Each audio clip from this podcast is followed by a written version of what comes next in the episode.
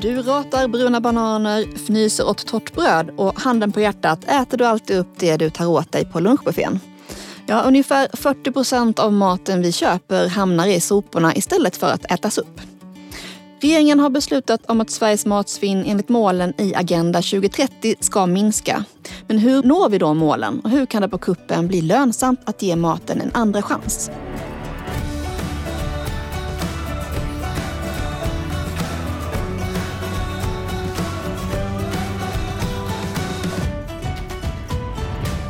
Du lyssnar på podden Landet med mig, Sandra Negård Petersen. Och med mig i panelen för att prata vad vi ska göra åt matsvinnet har jag Maria Alm från IVL, Svenska Miljöinstitutet. Du är koordinator för SAMS, Samarbete för minskat matsvinn. Välkommen! Tackar! Vi har Per Kålbäck, kökschef i Flens kommun där du lagar mat på bland annat då restprodukter. Hej Per! Hej! Och Mattias Eriksson från Sveriges lantbruksuniversitet som forskar om våra slängvanor i projektet Återkoppling som åtgärd för minskat matsvinn i hushåll. Välkommen du också Mattias. Tack så mycket. Och Mattias, tänkte vi ska börja med att klargöra vad är matsvinn? Kan du beskriva skillnaden mellan matavfall och matsvinn? För vissa saker måste vi väl ändå slänga, eller? Absolut. De flesta av oss äter ju till exempel inte bananskal, även om man kanske rent teoretiskt skulle kunna göra det. Eh, så det brukar man då räkna som ett matavfall medan den ätliga delen då räknas som matsvinn. Men det finns flera olika definitioner av matsvinn så att det här är, eh, kan ibland bli lite komplicerat. Ja, men var går gränsen då? Det svåra är att dra en gräns för vad exakt är ätbart och vad är inte ätbart. För det blir ju en personlig åsikt i många fall. Mm. Någon som ändå tar hand om sånt som annars hade gått till spillo och som hade kunnat bli ett matsvinn, det är du Per som jobbar inom måltidsservice. Och i Flen tar ni hand om sånt som annars hade gått till spillo från en närliggande gårdsbutik. Kan du berätta lite om hur samarbetet med den här gården startade? Vi flyttade lokaler ut till bruksområdet i Hälleforsnäs. Och en av våra nya grannar här i området då är Högtorp gård.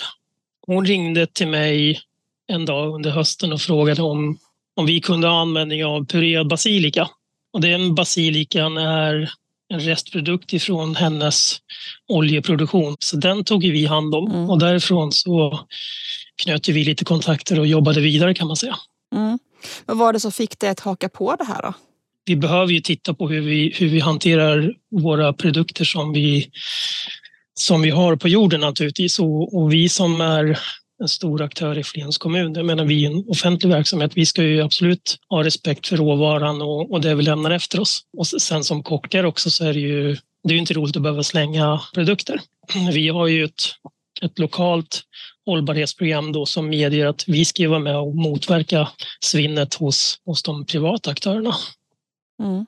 Och hur, hur hjälper samarbetet med Högstorp Gård er då i er verksamhet? Vi får ju en produkt som, som vi får liksom sätta tänderna lite grann i, som vi får försöka se hur kan vi göra det här. Du ska få berätta mer senare om vad ni gör med svampen och basilikan. Men eh, först Maria, vill du berätta då vad, vad är och vad, vad gör ni på SAMS? Det, SAMS står för Samarbete för minskat matsvinn och det är en eh, frivillig överenskommelse mellan företag och eh, branschorganisationer och andra organisationer i Sverige som har mat som yrke kan man väl säga. Vi, vi har lagt mycket eh, energi på att samla in data, eh, matsvinnsdata och försöka analysera den här datan för att se var har vi stort mm. matsvinn och gräva vidare i det. Varför uppstår det här? Och, och försöka hitta då olika åtgärdsförslag som vi sen eh, tillsammans säkerställer att vi inte löser ett problem i en del av kedjan och skapar ett annat. Ja, de som faktiskt kan sägas vara de största bovarna är vi privatpersoner. Mattias, i ditt forskningsprojekt så fokuserar ni just på hushållens slängvanor. Kan du berätta mer om vad kollar ni på? Tanken med vårt projekt är dels att vi ska etablera någon form av mätmetod så vi kan samla in data om hur mycket slängs egentligen i hushållen. Är det så mycket som vi tror eller, eller finns det liksom nyanser i det här? slänger alla lika mycket eller är det så att det finns vissa grupper som slänger väldigt mycket och andra slänger betydligt mindre? Och sen är ju tanken att försöka hitta någon form av åtgärd för om vi kan minska det här svinnet också. Mm. Och det vi har tänkt att testa är ju om en större medvetenhet om sitt egna matsvinn gör att man faktiskt minskar matsvinnet. Så det vi har tänkt att göra är då att liksom, vi mäter matsvinn och så återkopplar vi det. Så att folk får reda på hur mycket de själva kastar. Hur, gör, hur mäter ni det då? Rent konkret, hur gör man? Ja, men vi har byggt en apparat som består av en våg som vi ställer under komposttunnan. Och så är den kopplad direkt till en dator och en kamera så vi kan följa det här helt automatiskt. För när människor ska väga det här på egen hand så brukar de tröttna på det ganska snabbt. För det är ganska tråkigt att hålla på och väga sitt matsvinn varje dag. Speciellt om man ska göra det varje dag i ett helt år och inte bara i en vecka. Så det här måste automatiseras för att det ska fungera. Men kan du redan nu säga någonting om varför vi slänger så mycket som vi gör? Varför värderar vi inte maten högre? Ja, det är en bra fråga. Till att börja med så är väl maten för de allra flesta eh, relativt billig jämfört med mycket annat som vi köper. Och det gör att vi inte behöver värdera den så högt. Eh, och sen är det så att maten ofta, eller matsvinnet blir en konsekvens av andra saker vi vill ha. Vi vill gärna ha välfyllda kylskåp och vi vill kunna vara spontana och vi vill kunna, vad ska man säga, inte behöva äta upp de där matresterna för det kommer ett annat alternativ som är mycket trevligare. Och vi vill kunna ha fest där det finns ett överskott av mat och så vidare. Och matsvinn är ju en konsekvens av alla de här sakerna vi vill ha. Så det är inte så att någon liksom planerar för matsvinn utan det är någonting som uppstår för att vi planerar för andra saker som vi upplever som positiva. Precis, eller glömmer planera kanske också. Ja. Men eh, Per, de här resterna av Karl Johan-svampen och basilikapurén, kan inte du berätta lite mer vad det är för, för gott ni lagar på det? Till exempel om vi ska göra lasagne eh, som vi också kan använda karljohansvampen i så, så smaksätter vi med basilikan. Karljohansvampen går, går ganska mycket till en hel del vegetariska alternativ i våra skolor och förskolor. Och då gör vi till exempel eh, vårrullar eh, och Karl Johansvamp ifrån, ifrån Värmland är en fantastisk del i en vårrulle tycker vi. Lyxigt! Ja, det är jättelyxigt tycker vi. Svensk Karl Johan-svamp um, i massor av kilon. Det, det är få förunnat i offentliga verksamheter som kan jobba med. Så vi känner oss bortskämda. Kan vi använda det som, som en komponent i en degvätska, till exempel till ett knäckebröd, så är det också en jättebra produkt vi får i slutändan. Mm. Men det här knäckebrödet, jag vill bara återgå till det lite. För att, eh, ni gör ett knäckebröd med liksom, Karl Johan-svampen med i degspadet där. Sen köper gården tillbaka de här knäckebröden, eller hur är det? Och säljer dem vidare sen, eller hur fungerar det där? Det var runt juletiderna eh, förra året, så då kunde hon då hon sa, kan ni baka upp ett gäng för jag ska ha till, till lite delikatesskorgar till, till en förfrågan som jag har fått. Så att jag öppnar för samarbetsmöjligheterna emellan oss. Mm. Så man kan nästan säga det som en dubbel lönsamhet för gården här som först sålde svampen och sen får Per förädla den och sen kan sälja ett delikatessknäcke på den. Utifrån Per och Högtorps goda exempel med knäckebrödet här. Maria, hur, hur jobbar ni för att aktörerna ska förstå att de har pengar att tjäna på att inte låta slänga maten? Ja, men vi försöker i våra samtal med dem och i våra diskussioner så försöker vi att lyfta fram en morot istället för en piska och och visa på att här finns det möjligheter att effektivisera sin verksamhet, sänka kostnaderna, men det finns också möjlighet att att tjäna mer pengar genom att utveckla nya produkter eller tjänster. Vi ser ett ökat intresse från företagen att jobba med detta nu de senaste åren. Det finns kanske då en, mm. en ekonomisk morot i det. Men Per, eh, utöver dig som gott exempel, har det varit några, liksom vad har varit svårigheter på vägen eller till någon typ av hinder? Skulle du kunna ge något exempel på det? Vägen från idé till beslut till verkställande kan vara evinnerligt lång. Och det gör ju att jag som, som kock som egentligen säger att nu kör vi och alltid är van att ta beslut på stående mm. fot det är lätt att tappa motivationen när man måste hela man kanske måste vänta på beslut. Vi måste göra saker i rätt ordning och vi, vi, får ju inte, vi får inte göra fel. Eh, vi är ju här och till för medborgarna och, jag har all respekt för det. Det är en sak som är svår tycker jag. Um, så, så ibland så får man ju försöka visa vägen lite grann hur man skulle kunna göra. Har något exempel på det? Nej, men knäckebrödet kan ju vara en, ett sådant exempel där vi, där vi samarbetar. Vi, det går att samarbeta nära privata aktörer. Eh, men frågan är ju bara hur. Vi, vi kanske inte kan mm. vänta på lagförändringarna hela tiden utan vi kanske måste visa hur vara med och hjälpa till att visa hur lagförändringar i sådana fall skulle kunna vara. Återigen, vi, vi, måste, ju, vi måste ju skapa goda exempel och, och någon måste ju ställa sig och prova. Maria? Jag brukar säga att eh, de här frågorna, om vi nu pratar liksom miljö eller hållbarhetsfrågor eller egentligen alla förändrings eller omställningsfrågor, det är ett maraton. Eh, och det gäller att vara uthållig. Det, förändring tar tid. Eh, men för att orka springa ett maraton så får man ju liksom mentalt räkna ner kilometer för kilometer, ta sig till nästa vätskekontroll eh, eller vad det nu är.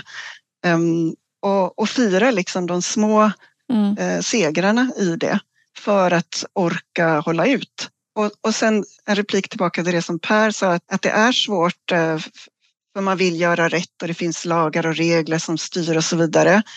Eh, och, och, där vill jag bara lyfta fram att eh, branschen går samman på frivillig basis och kreativt försöker lösa det här eh, och ger eh, förslag på förbättringar istället för att liksom sitta still och vänta på att lagen ska ändras. Det kanske tar tio år att förändra en lag.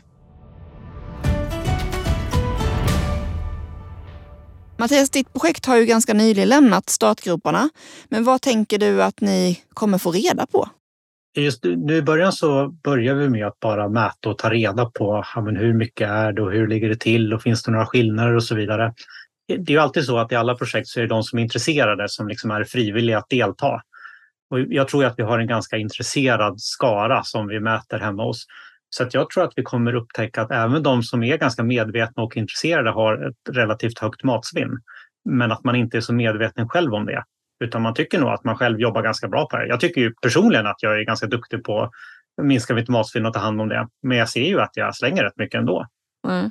Eh, och därför hoppas jag väl att i nästa steg då att om folk faktiskt blir informerade om det här, att det då kan leda till att man ja, man blir lite mer medveten. Man blir medveten om att man själv kanske är en del av problemet och inte att det bara är alla andra som har ett problem. Precis, man får ögonen på sig själv där. Ja, det är lite jobbigt. Precis. Men vad är resultatet sen då, eh, när ni har fått kommit så långt? Vad, vad tror du att det ska leda till sen då? Eller vad vill du att det ska leda till?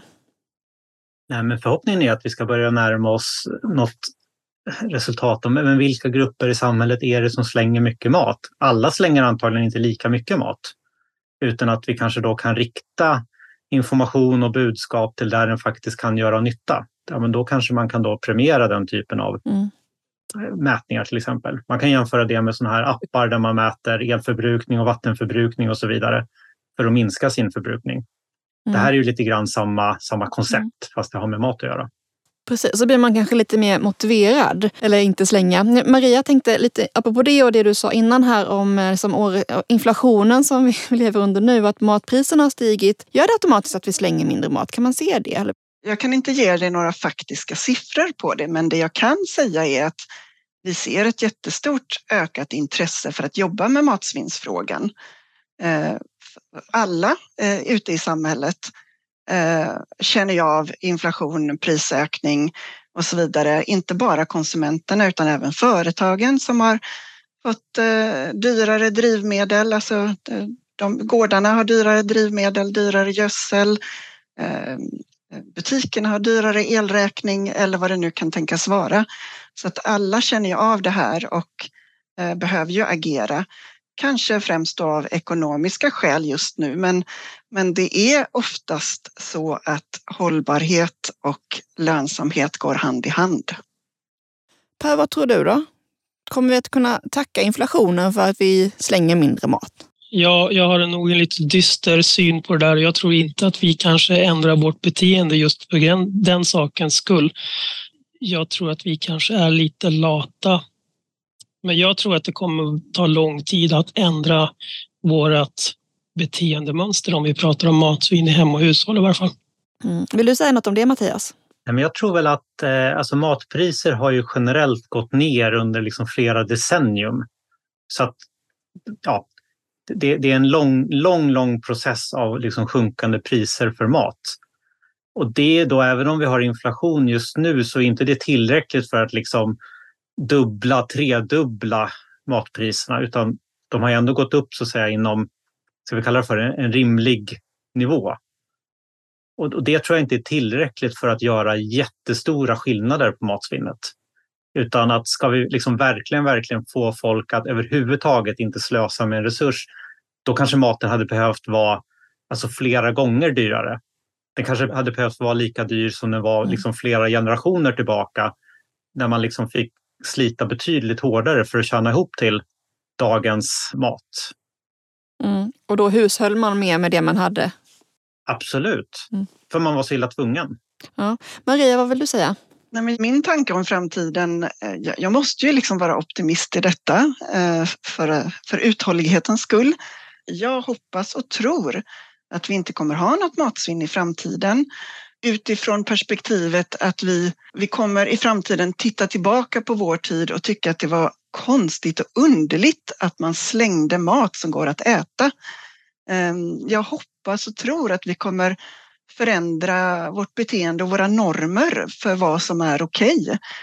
Det har vi ju historiskt eh, gjort. Vi har förändrat massa normer om man tittar liksom i ett långt perspektiv. Så jag hoppas verkligen att, att när vi tittar tillbaks på det här i framtiden så tycker vi att vad konstiga de var då på 2020-talet som slängde mat. Det är ju en livsviktig resurs. Jag tänkte att vi skulle avrunda med att ni får ge era tips till hushållen där hemma om hur de ska göra för att undvika matsvinn. Maria, vad har du för experttips? Absolut bästa svinntips till på hemmafronten, det är min frys. Det som riskerar att bli eh, gammalt, det lägger jag i frysen eller där snutten som blir över. Eh, man kanske bara använder halva tomaten för man ska ha tomatskiva på mackan. Ja, men då åker den där halva tomaten in i frysen och sen har jag en påse med 30 halva tomater som blir tomatsoppa om några mm, veckor. Mm. Precis, spara snuttarna och eh, frysa in dem. Per, du var eh, snabb på det också. Jag tänkte på exempel som Mattias tog där med bananskalen och bananerna. Jag tycker det blir en, en kulturell skillnad i vad vi är vana att äta eller inte äta. Bananskal, och det vet vi, det är ju väldigt beskt. Men det går att få bort beskan ur ett bananskal, skrapa bort det vita, eh, slänga ut det i komposten. Det går att torka bananskal, du, du kan koka det i en lätt sockerlag och sen torkar du bananskalen så mm, blir det ett mm. tilltugg. Man kanske behöver omvärldsbevaka lite grann och titta på hur, hur gör man i andra länder? Ja, omvärldsbevakning och ett litet snacktips där från eh, Per. Mattias, då, har du något tips du vill dela med dig av? Men jag tror ju att grunden i allt det här det är ju att inte konsumera för mycket. Har man väl köpt för mycket mat så kan den bara ta vägen på två ställen och det är antingen att man äter upp den eller att man kastar den. Så grunden måste ju vara att vi köper mindre mängd. Och då är väl tipset då att ät det man har innan man köper nytt. Även om jag vet att det är väldigt lockande att alltid ha välfyllt hemma. Men det kommer leda till svinn. Det är nästan ofrånkomligt så. Tack, det var det vi hann prata idag om, minskat matsvinn. Tack kära panel för att ni har varit med och spridit kunskap och inspiration. Maria Alm, Svenska Miljöinstitutet och Samarbete för minskat matsvinn. Per Kålbäck, kökschef i Flens kommun och Mattias Eriksson från Sveriges lantbruksuniversitet. Tack allesammans! Tackar! Tack! Tack så mycket! Podden Landet görs av Landsbygdsnätverket. Producent var Ingrid Whitelock och jag heter Sandra Nergård Petersen. Tack för att just du har lyssnat.